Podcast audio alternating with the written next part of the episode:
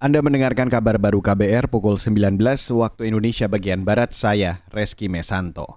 Saudara Dewan Gereja Papua menyebut pemerintah pusat mengabaikan empat sumber konflik di bumi Cendrawasih.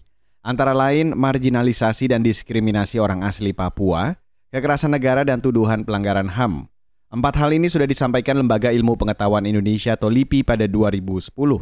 Menurut perwakilan Dewan Gereja Papua, Beni Giai, alih-alih mencabut empat permasalahan tersebut, pemerintah justru menggunakan pendekatan yang represif sikap negara yang juga terlihat dengan pemerintah yang menutup mata terhadap empat sumber konflik yang disebutkan oleh LIPI. Menurut kami eh, dari, dari Dewan Gereja Papua itu barangkali cara terbaik untuk menyelesaikan masalah Papua dengan kembali ke sejumlah agenda yang mengangkat akar, akar, akar, atau sumber-sumber konflik itu dan menyelesaikan masalah Papua. Beni Giai menambahkan, kebijakan seperti perpanjangan otonomi khusus dan pembentukan daerah otonomi baru atau DOB hanya akan memperpanjang konflik di Papua. Sebelumnya, pemerintah pusat dan DPR berencana memekarkan provinsi di Papua. Rancangan Undang-Undang atau RU Daerah Otonomi Baru atau DOB Papua ditargetkan DPR selesai sebelum Juni 2022. Rencana ini menuai penolakan besar-besaran di sejumlah daerah di tanah air.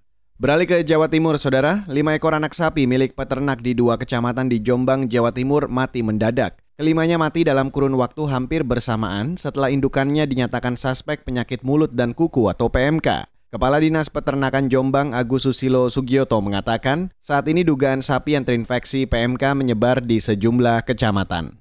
Sampai dengan laporan kemarin sore sekitar 96 sapi yang terkena. Itu ada di tiga kecamatan, yaitu yang pertama di Sidolegi, Wonosalam, kemudian di Gerobokan, Mojowarno, kemudian di Pulau Bejo, Tembelang, dan terakhir ini ada di Kabuh, di Manduro pak. Ini ada di sana ini masih menunggu anu lab. Nanti nanti labnya hasilnya kita kita sampaikan. Yang mati ada lima sampai hari ini Beberapa ekor sapi yang dinyatakan suspek PMK dan mati itu baru saja dibeli dari wilayah Balong Panggang, Gresik.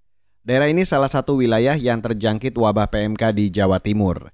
Dinas Peternakan Jombang mengaku sudah menyuntik hewan yang terjangkit dengan obat-obatan. Selain itu, karantina juga dilakukan terhadap hewan ternak yang sakit.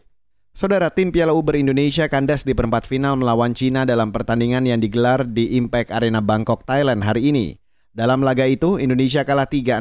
Mengutip antara news.com, manajer tim Hendro Santoso menilai hasil tersebut sudah sangat baik dan melebihi target yang ditetapkan. Sebab formasi tim sebagian besar diisi pemain muda yang diharapkan menambah pengalaman kompetisi bergu papan atas.